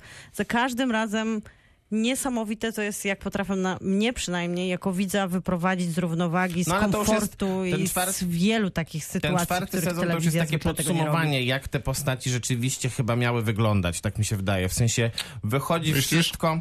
Tak mi się wydaje, w sensie To wychodzi... przypomnę ci tylko jeszcze scenę e, na pogrzebie w kościele. To mam wrażenie, że oni tam przepisują w jednym odcinku dwa razy ich charaktery. No tak, ale ta scena właśnie dokładnie podsumowuje te postaci.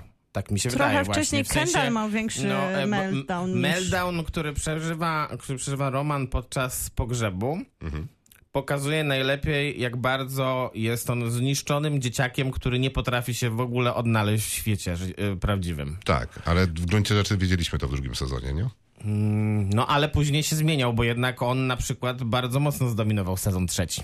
Swoją taką, swoją taką chęcią przejęcia, przejęcia I swoim kontroli. nad- romansem. Znaczy mam I wrażenie... swoim tak, wysyłaniem różnych zdjęć. Tak, to wydaje mi się, że to jakby tę kontrolę dał mu ojciec, nie? I on tyle jej miał, ile dostał, Tak. a jego zachowanie dla mnie było właśnie takie jakby bardzo jednoznaczne. To, to w ogóle mnie też dosyć interesuje w tym serialu, że te ich postaci często podejmują różne decyzje i w różne strony się odwracają, ale nigdy się nie zmieniają. W sensie, że są takie same, a scenarzyści dają nam tylko nadzieję, że wreszcie ktoś zrobi tę właściwą dobrego? rzecz. Albo nawet nie Nawet nie dobrego, dobrego. tylko chociaż kompetentnego. A oni z reguły, kiedy mają szansę zrobić coś kompetentnego, co doskonale widać też w ostatnim sezonie na przykładzie Roma, kiedy idzie do wytwórni filmowej należącej do Waystar i mógłby tam zrobić coś kompetentnego. Nie, Ale robi tam on- coś... Ale robi to, co robią w sukcesji od początku. Tak, robi coś wynikające z jego ego, bo on myśli, że tak zrobiłby jego ojciec. Tak. I być może jego ojciec by tak zrobił, Mhm. mając co do tego jakiś plan, bo niezależnie od obrzydliwości postaci Logana, wierzę, że był jednak bardziej Kompetentny. kompetentny, albo bardziej kompetentny niż, niż, niż synowie, co pewnie wynika też z jego niekompetencji bycia rodzicem. Ale to jest Dlatego chyba... wydaje mi się, że ten upadek jakby emocjonalnej y, wartości dla kogokolwiek z tych postaci na rzecz walki o kompetencje jest upadkiem człowieczeństwa i dlatego tak bardzo boli oglądanie tych postaci, bo oni na tyle dobrze napisali, że ja tam widzę cierpiącego człowieka pod tą Zawsze, skorupą tak. eleganckiego garnituru i twardej marsowej twarzy, kiedy ruszam na negocjacje, a każdy ta, każde to cierpienie w tych ludziach napędza, napędza wynikające z różnych oczywiście relacji, napędza każdą decyzję, Najgorszą którą decyzję. my określimy jako głupią. Ale, Ale ty- nie ty- ja- empatyzujesz i- z tym cierpieniem. Ja trochę robię? empatyzuję. Nie empatyzujesz z Ja, tym cierpieniem, ja wydaje trochę uważam, że to są tragiczne też postaci. raczej em- empatyzuję. Ale, Empatizujesz? Naprawdę? W sensie, Ja bym- dla, mogę tylko... ja, e, ale poczekaj, ja coś tylko no nie odniosę do tego, ja co, wszystko, co Krzysztof wcześniej Zagrajcie powiedział. Nie, bo ja, zaraz do tych e, empa, empatii, że ja jednak się czułam ogrywana, bo ty mówisz, że wiedziałeś, jaki jest, e, jakie są, jacy są bohaterowie w pierwszym, drugim sezonie, Może ale oni tak wrażenie. świetnie nimi grali, że ciągle myślałeś, że no tak nie bez przyczyny cały świat się zastanawiał, kto będzie tym sukcesorem. Że cały czas dawali komuś, tak jak ich ojciec, trochę światła na twarz i wtedy myśleliśmy, a to może jednak A dawali, no mówiłem o tym. to on się trochę jednak, wiesz, No, teraz no, weźmie no, za siebie i będzie no, szefem. no mówiłem o tym, tylko że odwracali się w różne kierunki i zawsze wracali do te, do siebie. tragizmu swoich postaci. No, No tak, ale do jakby dzieciaków. rdzenia swojej osobowości. Maciej. No ale jak można empatyzować z nimi, tak szczerze mówiąc? Bo y, jak dla mnie to są jednak postaci, które są tak bardzo wyjęte z realnego świata i tak bardzo y, niemożliwe dla nas do dotknięcia, em, że ich zachowania, które wynikają tak naprawdę tylko i wyłącznie z urodzenia, bo tylko z tego, e, doprowadza, mnie doprowadzały do wściekłości głównie. No tak, ale to mnie też często doprowadzały, doprowadzały do wściekłości, ale akurat sytuacja, w której oni są tacy połamani, wynika też z ich urodzenia, nie? Bo to, Tak. że urodzili się bogaci, to jedno, a drugie to, że urodzili się z, z ojcem Loganem. te, z ojcem Lokanem. I z No mamą, rozumiem. jeszcze z mamą na dokładkę, bo mama też tutaj jest. Jedną, I nie, i nie, be- mamą. i, I żeby nie było wątpliwości, ja nie będę tu opowiadał historii o tym, jaki to jest ciężar bogactwa i No było, im właśnie, o tak, to chodzi. było im tak ciężko urodzić się w zachodnim skrzydle. Tak, tak, no właśnie. I z, z 250 milionami to- dolarów na koncie dobra, bo od to jest- pierwszego dnia urodzenia. Tak, tak, Józef- napra- naprawdę i- ciężko. I jestem przekonany, że mając pieniądze można być przyzwoitym. Natomiast wydaje mi się, że sama sukcesja mówi, że to nie dlatego, że ta ich konserwatywna strona taka jest, bo jak pokazywali tę liberalną, to, To opinię mieli dokładnie taką były, samą, tak. tylko mieli inne kolory swetrów. Ale też tutaj jest taki zabieg dodawania twarzy Loganowi, trochę zamieniania jego potwornej osobowości na bardziej ludzką i to się dzieje a raz w wypadku pogrzebu, gdzie jego brat opowiada trochę w kontekście ich przesz- przeszłości, taki taki daje trochę sneak peek do tego, dlaczego on był takim złym człowiekiem. Nawet jego dzieci o tym nie wiedzą, żeby tu nie spoilerować. No, ale później jest taka, przecież na a później jest samochodzie. taka, Ładnie, a później jest taka scena, w której oni się I robi to spotykają. przepięknie zresztą. O, I później tak. jest taka scena, w której oni się spotykają, oglądają film, w którym jest Logan i się tam wszyscy wzruszają. I to nie ma znaczenia na przykład dla mnie w kontekście Logana. I wydaje mi się, że ostatecznie dla tych dzieci też nie ma znaczenia, czy on coś przeżył złego, jak był małym chłopcem i czy czasami potrafił się śmiać i zapie- zaśpiewać piosenkę. Bo to był po prostu zły człowiek i my oglądamy pokłosie jego działań w kontekście jego dzieci, ale jak na przykład Kendall stoi i krzyczy, że I'm a big boy w e, finale, to nie jest też żaden spoiler, to ja jednak mi się trochę łamie serce, że to są dalej dzieci. No tak, I tak, to, tak. w jakich oni to są. Ale sytuacji to jest taka zanurzone. sk- skala współczucia, jak współczujesz Darfowi Vaderowi, To kiedy je- wpada to do reaktora jądrowego, to a chyba- Logan jest Palpatinem po To prostu. chyba ja jestem bardziej jednak cynikiem i wydaje mi się, że no nie wiem, e, wszelkie porażki tych złych ludzi jednak wywoła, wywoływały we mnie jakiś entuzjazm. I może, nad, może, może w związku z tym też nakręcała się moje, moje uwielbienie dla tego serialu, bo, bo ewidentnie Jesse Armstrong też chyba nienawidzi do końca tych postaci i, i, i em, dlatego też się tak Nie, mocno i- podkręca. I, I się nie da lubić. No nie. Nie, Można nie, nie, no, najwyżej rozumiem. zrozumieć ich motywację momentami. Nie, też nie. Znaczy, mi- mnie się wydaje, że rozumiem i jest mi może przez to z nimi łatwiej, ale chyba najbardziej mi zgrzytał w zębach ten piasek niekompetencji. Na, naprawdę, bo jeżeli uwierzy się, że tak wygląda świat, ja trochę nie wierzę w sukcesję, ale zakładając, że wierzymy, że tak wygląda świat, który opowiadają na szczycie tego świata, w cudzysłowie, to to jest straszna konstatacja, że zarządzają z nami strasznie durnie. No ale Nie, ale później to masz, masz takie filmy i seriale teraz o różnych CEO, którzy pokazują, że są szaleńcami i nadużywają swoją władzę. No wiem, ale te filmy i seriale robi się o tych wariatach. Ale słuchaj, myślę, że Nie, ale- sukcesja opowiada nie tylko o tym świecie, tylko o świecie, który już raz został na jakimś poziomie zniszczony, że jeżeli ma się pieniądze i z tego tytułu na przykład arystokracja wychowywała wiele dzieci, które mogłyby mieć wszelkie możliwe kompetencje, żeby budować świetny świat, a wszystko przehulały i rozbiły w jakichś właśnie takich abstrakcyjnych gestach zupełnego upadku i degrengolady na najwyższym szczycie, no to to jest już opowieść nie w kostiumie, ale dokładnie o tych samych dzieciach bogatych rodziców, tylko które tutaj- nie wiedziały, co tylko- zrobić z pieniędzmi i władzą. Tylko tutaj nie ma degrengolady, tu jest jednak zupełnie co innego. Tu, tu jednak chodzi o, e, o to, żeby mieć więcej i więcej i więcej władzy. Oni, oni jednak nie idą w tym kierunku takiego, takiego prze, przejada, przejadania tych pieniędzy, tylko, No chyba, tylko chcą ich jeszcze więcej zdobywać, żeby, żeby tym samym mieć jeszcze więcej władzy. To jest, to jest inny kierunek, który oni obierają.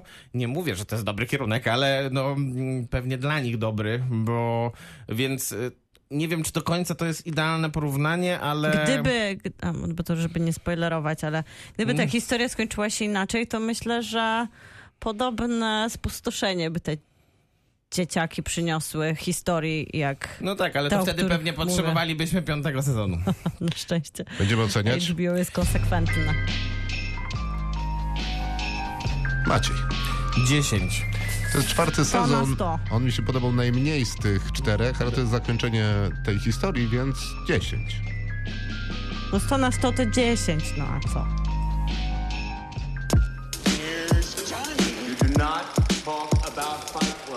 Kinotok. Film.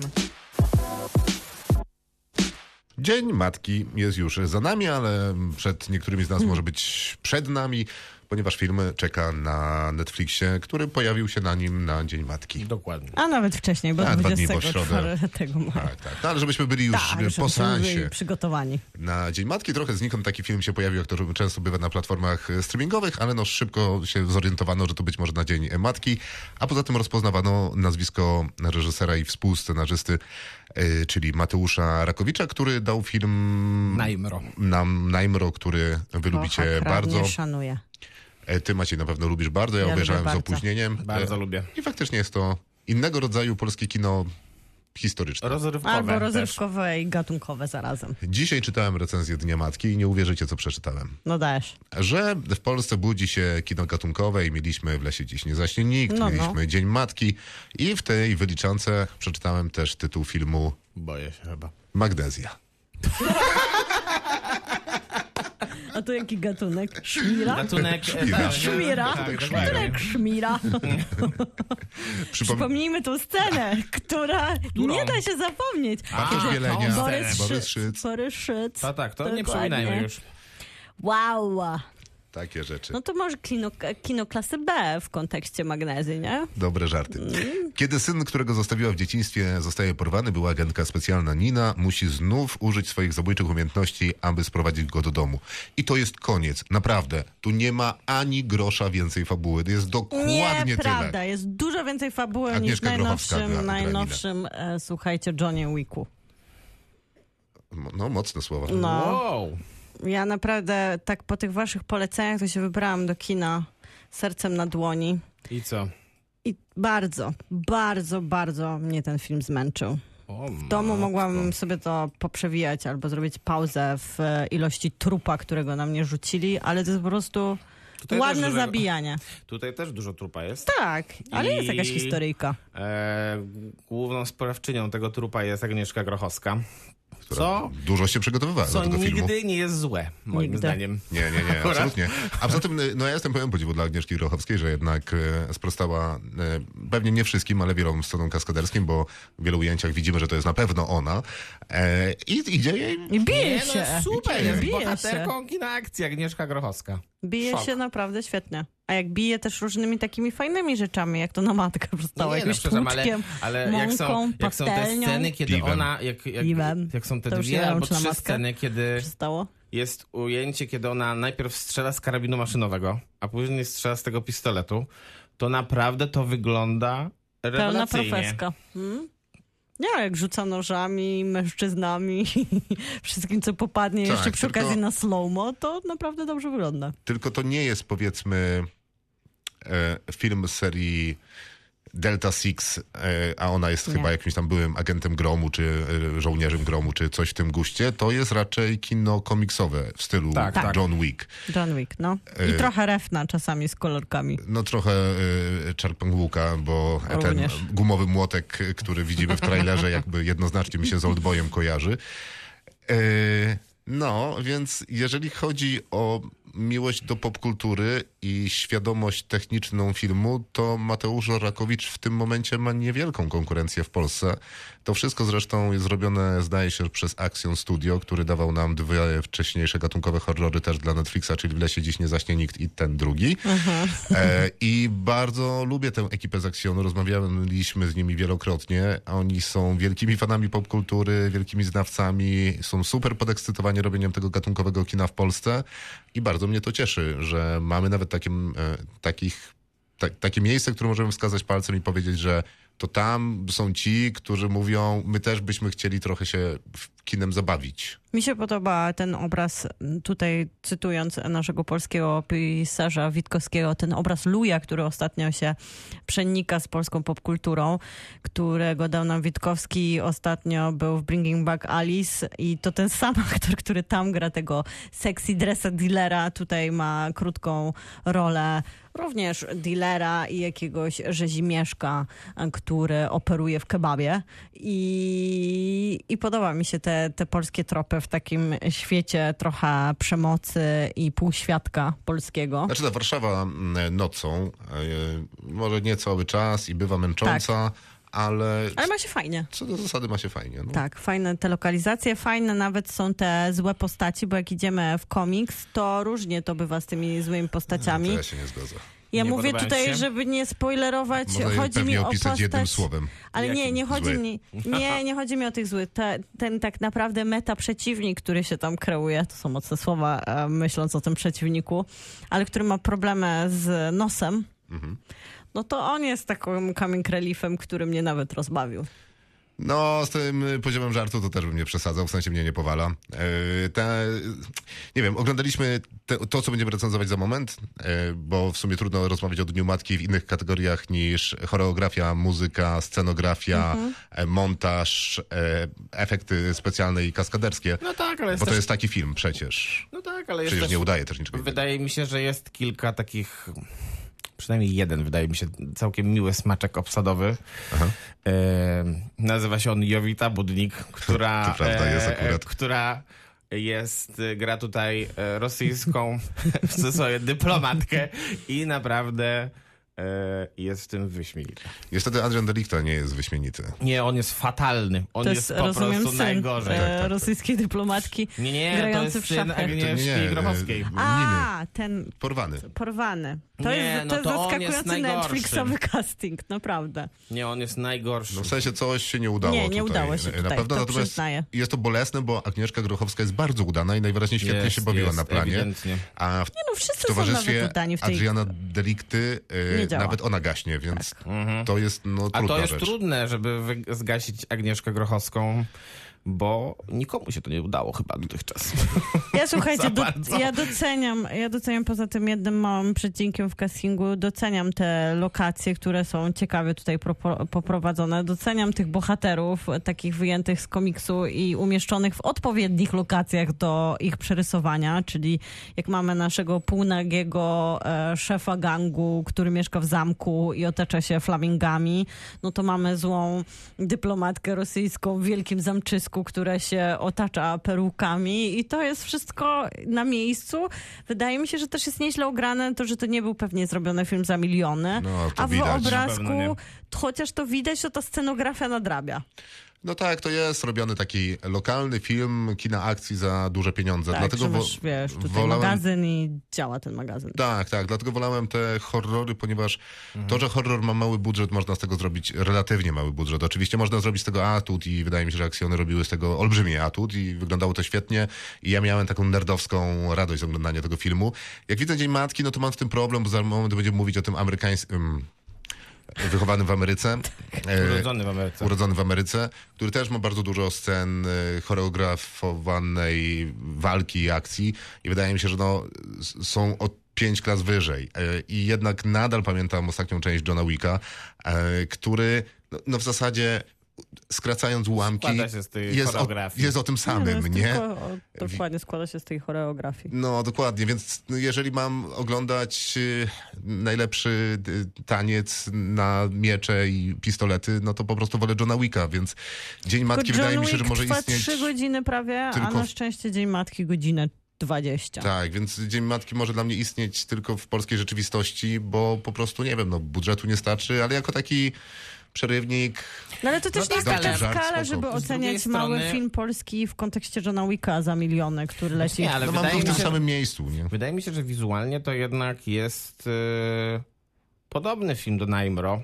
E, Widać, Tak. że Rakowicz generalnie ma taki styl trochę. On tutaj, on tutaj łączy jednak slow motion z muzyką różnego, Z różnie dobraną, z, tak, z kolorem. No a poza tym e, ten film ma, e, i to już wspomnieliśmy, ten sam atut, który Naimro ma, czyli Naimro ma fantastycznego głównego bohatera i tutaj naprawdę Agnieszka Grochowska też jest świetną Nie patrz na, patrz na. Krzyśka, bo ja w ogóle mi się bardzo podobało. Ja uważam, że za ten, za, na te możliwości, które właśnie małe, budżetowe możliwości, jest bardzo dobrze skastingowana, No, ale to świetnie masz radząca rację, tylko sobie pytanie w jakiej... aktorka. Jak mam oceniać ten Ja, film? ja go oceniam tak jak, słuchaj, czuję, No to- W polecam sensie, to nie, również to tobie. nie jest WF, że każdy dostaje taką.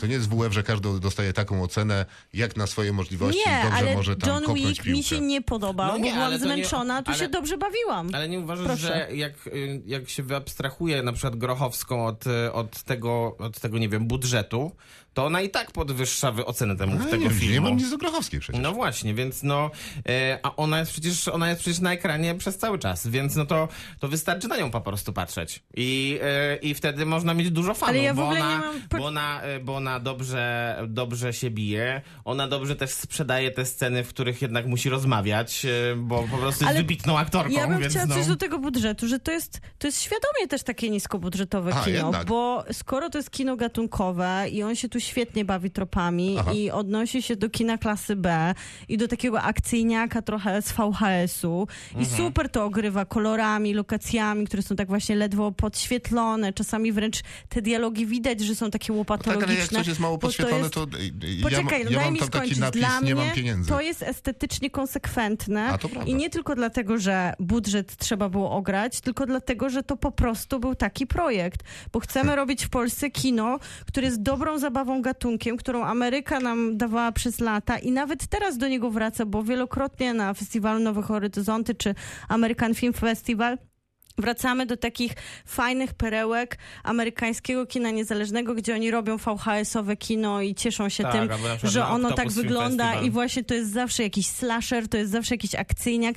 I ja uważam, że po prostu to jest tak poprowadzone kino, bo ta estetyka tego tematu tego wymaga i to była pod tym względem świetna zabawa, więc nie stawiamy tego z amerykańskim blockbusterem za miliony, tylko świadomie zrobionym, niszowym No, kinem to, że, klasy B. To, że to była zabawa właśnie w kino klasy B, to świadczą o tym też te postaci chociażby, Tak, tak? dokładnie. Postać, którą gra ten Dariusz Chojnacki, czyli ten taki Smarkający. e, tak, policjant, który, który, cały no. czas, który cały czas mówi o swojej córce w, ka- w każdej możliwej sytuacji, Prawie mimo, mimo, że, mimo że absolutnie nie powinien tego robić prawdopodobnie w większości tych scen. No i, no i ta Jowita Budnik, jej syn Dokładnie. i e, myślę, że nawet ten, ten, ten szef tej mafii chodzący w tym w tych czerwonych li... Czer... Nie, nie, to, są, to nie są nadgacie chyba za bardzo, to... Nie się chodzący nagi, Nago obwiązany, obwiązany jakiś... trzema, trzema czerwonymi mm, jakimiś tam warstwami materiału krótkimi bardzo, no więc no Ja totalnie to kupuję. I konwencję, i estetykę, i zabawę, i to, że trwa to godzinę 20 i ma to idealny balans pomiędzy właśnie trochę naszą A polską tym lokacją, jeszcze, a... Jak się pojawiła jeszcze Dorota Kolak, to jeszcze się uśmiechnąłem. No okej, no ja, ja, ja nie kupuję. Wydaje mi się, że bronicie dosyć bazy. absurdalnej tezy, że e, to jest niskobudżetowe, więc gdyby dostał, mam wrażenie, Rakowicz więcej nawet pieniędzy, to by po prostu odmówił, bo powiedział, że to mi zepsuje wizję. Bo ja mam nawet wrażenie, że wiecie, no John Wick dla mnie też jest kinem e, klasy B, który jakby świadomie pogrywa dokładnie z tymi samymi e, filmami, o których wy Nie, mówicie. Z niczym nie pogrywa, tylko z trupami. Tam nie ma żadnych tropów pod, O, tam jest bardzo dużo e, tropów i nabijania się i samoświadomości zresztą. Gdzie? W czwartym odcinku? No, weź sobie hrabiego do brzy, brzy, brzy. To on nie jest tam, e, to on nie jest tam trzech przecież godzinach przypadkiem. to ja już byłam zagrzebana pod No, ilością widzisz, a martwych mnie ciał. godzina 34 dnia matki Nic też nie zagrzebała. widziałam, nic. Więc nie ma też tutaj żadnego problemu. No nie, no w sensie pewnie można to obejrzeć, bo faktycznie główna aktorka y, niesie film, ale... A ja powiem tak, można obejrzeć, że to jest super zabawa, jak się lubi kino gatunkowe klasy B. Myślę, że kto obejrzy, ten oceni, że to jest super zabawa. Ja mam wątpliwości co do tego, czy jest aż tak super. No to dawaj cenę. Ja sześć. To Dałeś nawet... sześć? Ja nie mogę z tobą. Mimo, że powiedziałeś to, co przed chwilą powiedziałeś i daj sześć. Odradziłeś oglądanie i dałeś szóstkę? No, no oceniam ten film na sześć. No. Dobrze, Okej. to, no to jeżeli ty oceniasz film na 6, to ja oceniam film na 8. W tej Ja, sytuacji. ja go chciałam ocenić na sześć. Chyba nie mam wyboru w tej sytuacji, skoro mi się podobał dużo bardziej niż tobie, a No. ty dałeś 6. no to Ja dobrze. chciałam dać, dać mu szóstkę, no ale teraz Nie, co teraz Muszę osiem. si- siódemkę mu dam. A co wy myślicie, że ja uważam, że to jest dwa? No, No tak tak brzmiałeś, słuchaj, jeszcze max, publicznie myślę. odradzałeś No razie seans. nie odradzałem seansu, tylko powiedziałem, że każdy oce- obejrzy i oceni. To wy brzmieliście, szczerze mówiąc, na dziesiątkę. To też bez przesady. Ale... Nie, no, No, kino gram tylko w gatunkowe. twoją grę, Maciek. No dobrze, rozumiem. Eee, No to- zostajemy przy naszych ocenach. Dobrze, 8. Ja daję 8. Ja daję siedem. No jak? Musisz też dać osiem. Nie muszę No to nic na brzmia- szczęście. Na szczęście Ale nic brzmiałeś, nie jakby ci się podobało bardziej niż ale daję Maćkowi. 8. Ale daj. Ja zostaję przy siódemce. Dobra, to ja zmienię na dziewiątkę. Your choice. Nie, nie, to się nie wydarzy.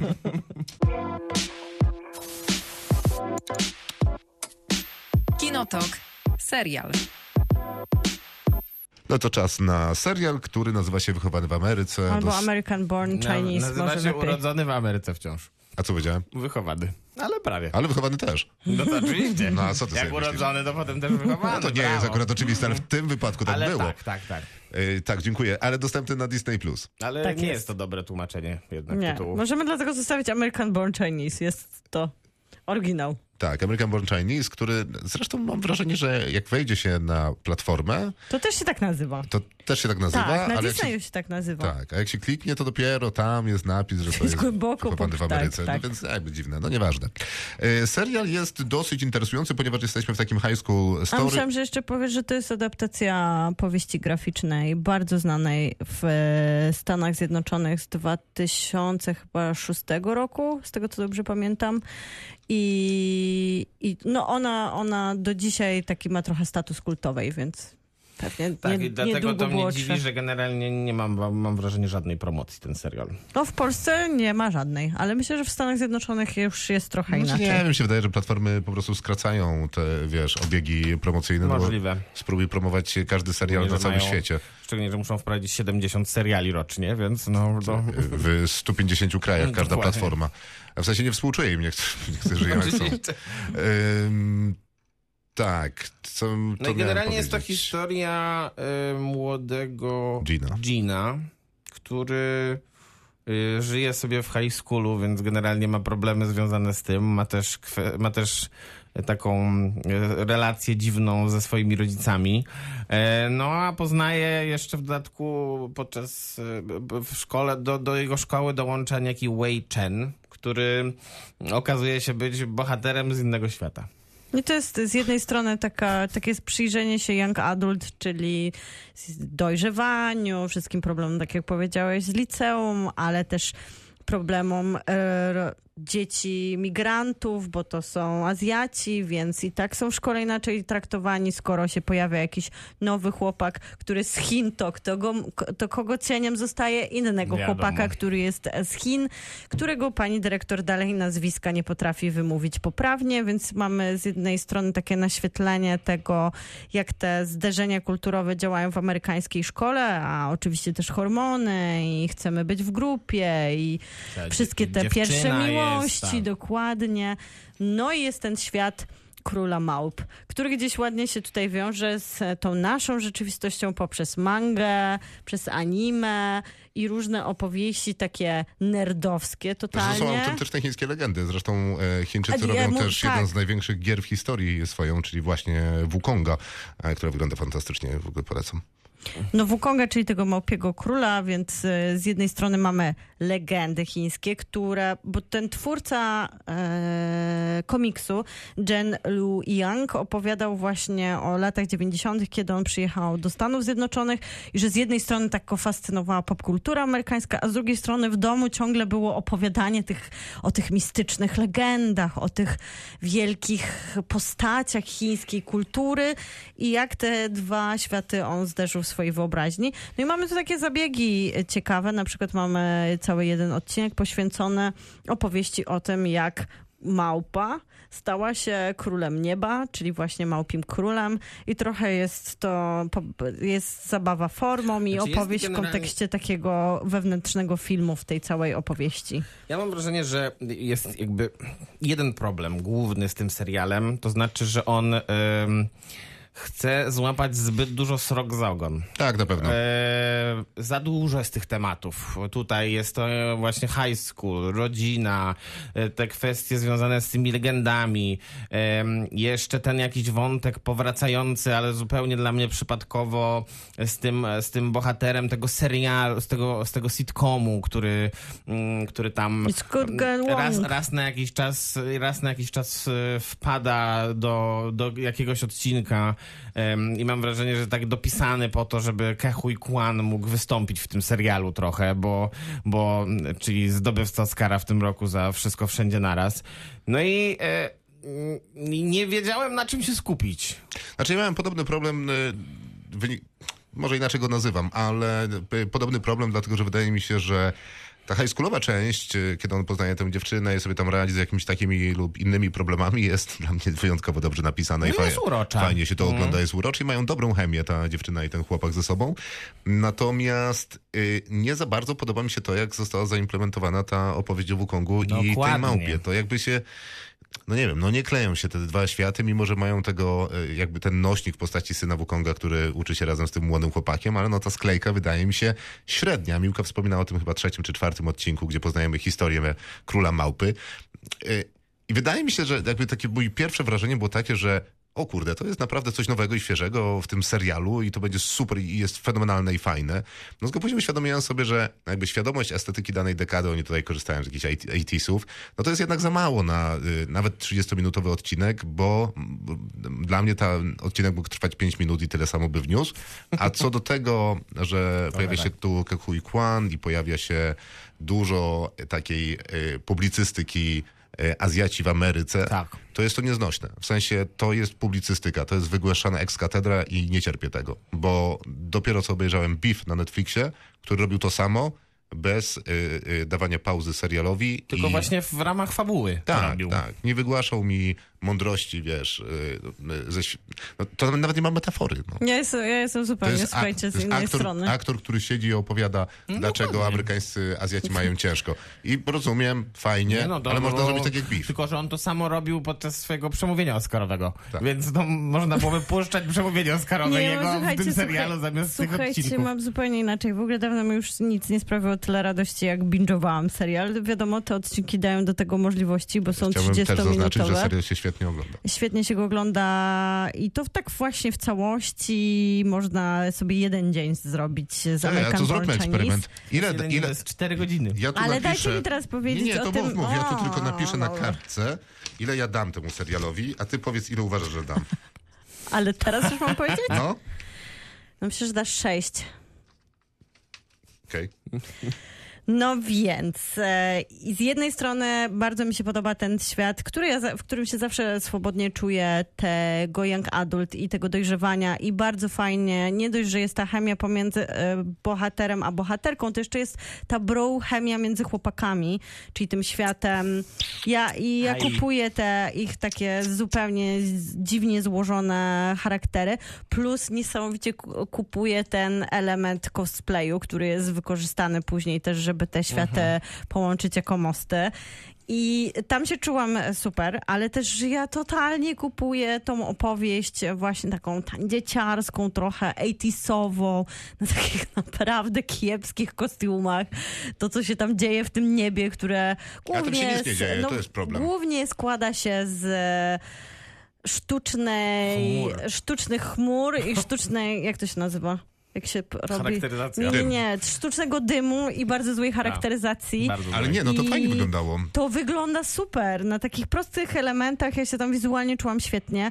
Ta opowieść o tym what could go wrong jest e, też w ogóle wydaje mi się zakorzeniona To w jest tym, rasistowski co... mem, który się przewija przez serial. To jest też nazwa serialu i to, co powtarza główny bohater, który robił to w latach 80., kiedy jeszcze nie było cancel culture, ale nagle nie wiadomo dlaczego ten serial powraca na salony i wszyscy się z niego cieszą, kiedy tak naprawdę no, już budzi w części ludzi niesmak, a z drugiej strony staje się takim narzędziem, żeby usprawiedliwiać rasistowskie żarty.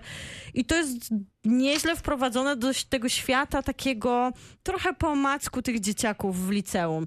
Że z jednej strony łatwo już powiedzieć nauczycielowi, czego nie może powiedzieć na lekcji i że nie można już sobie żartować ze swojej żony w kontekście pokazywania na, na obrazek małpy, ale że dalej nie wiadomo, w którą stronę się śmiać ze swojego azjatyckiego kolegi, a w którą nie. I gdzie się kończy bullying, a gdzie się zaczyna e, po prostu popkultura. I w tym języku takim licealnym, kiedy rozlicza się z tych memów, które tworzą tak naprawdę rodzice, telewizja i dyskusja, no to jak się to sprowadza na poletko szkoły, to to są naprawdę proste tropy. No tak, tylko że, tylko że ja na przykład tego nie kupuję do końca, bo wydaje mi się, że w tym trochę zabrakło emocji. W sensie e, w, zarówno w tym, o czym mówisz, jak i na przykład w wątku związanym z rodzicami głównego bohatera, tam, tam dla mnie jest po prostu nuda. I, i ja, ja jakby tak bardzo letnio podchodziłem do tych, do tych, do tych wątków, a, a one w pewnym momencie zaczynają być troszkę dominujące w serialu, bo ile razy można rozmawiać już o tym, że nie wiem, rodzice głównego bohatera nie rozmawiają ze sobą, tylko się kłócą. No ile razy można to powtarzać? Myślę, że No, jak jesteś nastolatkiem, to tylko to jest dla ciebie Natomiast. Tak, ale ja nie jestem nastolatkiem, więc nie muszę tego oglądać. Natomiast wydaje mi się, że akurat Ja tam to, lubię tych rodziców bardzo. to, je- co rozgrywają tam sobie w szkole, to jest nawet ładnie rozgrywane, W szkole? nie? Tak. Bo oni się tam zastanawiają nad tymi kwestiami rasowymi i wydaje mi się, że tam jest dosyć dobry balans. Pojawiają się też te jakieś tam aktywistki. Trochę to wszystko wygląda jak Glee, co nie, nie jest jakby najlepszym skojarzeniem, więc... y, Na szczęście nie. Więc y, trochę mnie momentami odrzuca, ale generalnie ten cały high school jest opowiedziany dobrze. Ale to, co mi się najbardziej podoba w tym serialu, to jest jednak choreografia walk tej Super. dziwacznie, y, tych dziwacznych postaci z chińskich legend, y, y, nad którymi nikt specjalnie nie dumał z CGI-em, żeby zrobić je jakoś niewiarygodnie, tylko zrobiono je w stylu charakteryzacji ala 80sy. I Pijany to jest wróg. przepiękne. W sensie, no nawet Grochowska nie, nie potrafi tak No, e, w nie, nie. choreografii. No, ale Michelle Yeoh za to potrafi. Potrafi. Ale ona to wielokrotnie już udowadniała, Ale ale, nie, no, w pijany, sensie pijany Wilan jest To, wspaniały. że jeden z największych historycznych zdobywców Oscarów, mm, wszystko wszędzie naraz, y, nie ma nawet w części tak dobrej choreografii, to jest jednak dosyć niesamowite. Ja tutaj z, w kontekście tych rodziców to totalnie kupuję tą presję, która jest tutaj przekazywana w kontekście migrantów i Azjatów, że te ich kłótnie, takie w kółko powtarzane o pracy, to jest to, co, o czym mówił Beef i teraz będzie prawdopodobnie tak, fala tylko masz- opowiadania o tym, jak opresyjne są te wzory przywożone jeszcze przez rodziców, przenoszone na dzieci, które Tylko można już mówić o tym tak, jak mówi Beef, albo tak, no, jak ale mówi to nie, ten, to nie ten serial, więc e, on sobie No, no wybrał nie. taki język poprzez opresyjnych rodziców, który no, ta, mówię, ta że to jest drama jest, publicystyka. no. całkiem- A nie razi cię, kiedy ten Kwon siedzi y, w tej, na tym podsumowaniu, No reunionie i on wygłasza, jak się tam, jak świat wygląda, jakby chciał, żeby wyglądał. No przecież to jest oda do radości, no. To jest dla mnie odcinek Friendsów, w którym wszyscy No jest, trochę jest, się no. mieliśmy spotkać, żeby było wzruszająco, ale jest trochę żenująco. Nie, no ale dobra, I, no. I ja to kupuję totalnie w kontekście popkultury, tego A jak te wszystkie... satyra tego ru- odcinka? Tak, że jak wszystkie te, jak wszystkie te reunion wyglądały, zwłaszcza z, jak tam bierzemy mówi seriale tam z lat zupełnie poważne 80. rzeczy przecież. Poważne no. bardzo, a na reunion Friendsów nie mówiło się poważnych No, rzeczy. ale nadal to są wszystkie. O, dużo seriali z lat 80., 90. ma jakiś element cancel culture i wszystkie te spotkania mogłyby tak wyglądać. Serial po prostu jest fikcją. No wiadomo, że na spotkaniu Franców nikt nie będzie mówił, że był to, nie wiem, dobra, scena, jak- rasistowski serial. No dobra, no. nie chcę cię rozliczać, bo chyba nie chcesz powiedzieć, że ta scena się nie podobała, bo ci się podobała, tak? Tak, mi się podobał serial w całości. Ja kupuję tą konwencję. Mam wrażenie, że rozmawiam z politykiem. A ta scena? Czy ta scena mi się podobała? No mówię, że kupuję ją jako reunion Franców, których ja się A czuję ta zażenowana. scena sama w sobie? No przecież odpowiedziałam już na twoje pytanie. No jednak polityk. E, no dobrze, e, będziemy oceniać? Tak, co masz na kartce? Siedem, popatrz. To jest Ja mam człowiek. sześć jednak na kartce swojej i w sercu. Ja mam osiem. I to wszystko na dzisiaj. To był Kinotok. Zapraszamy na Spotify'a i wszędzie, gdzie trzeba. E, jesteśmy też na mediach społecznościowych czasami. Tak jest. Dobrze tu ująłeś, Krzysztof. Dobranoc. Kinotok. Tuż przed wyjściem do kina.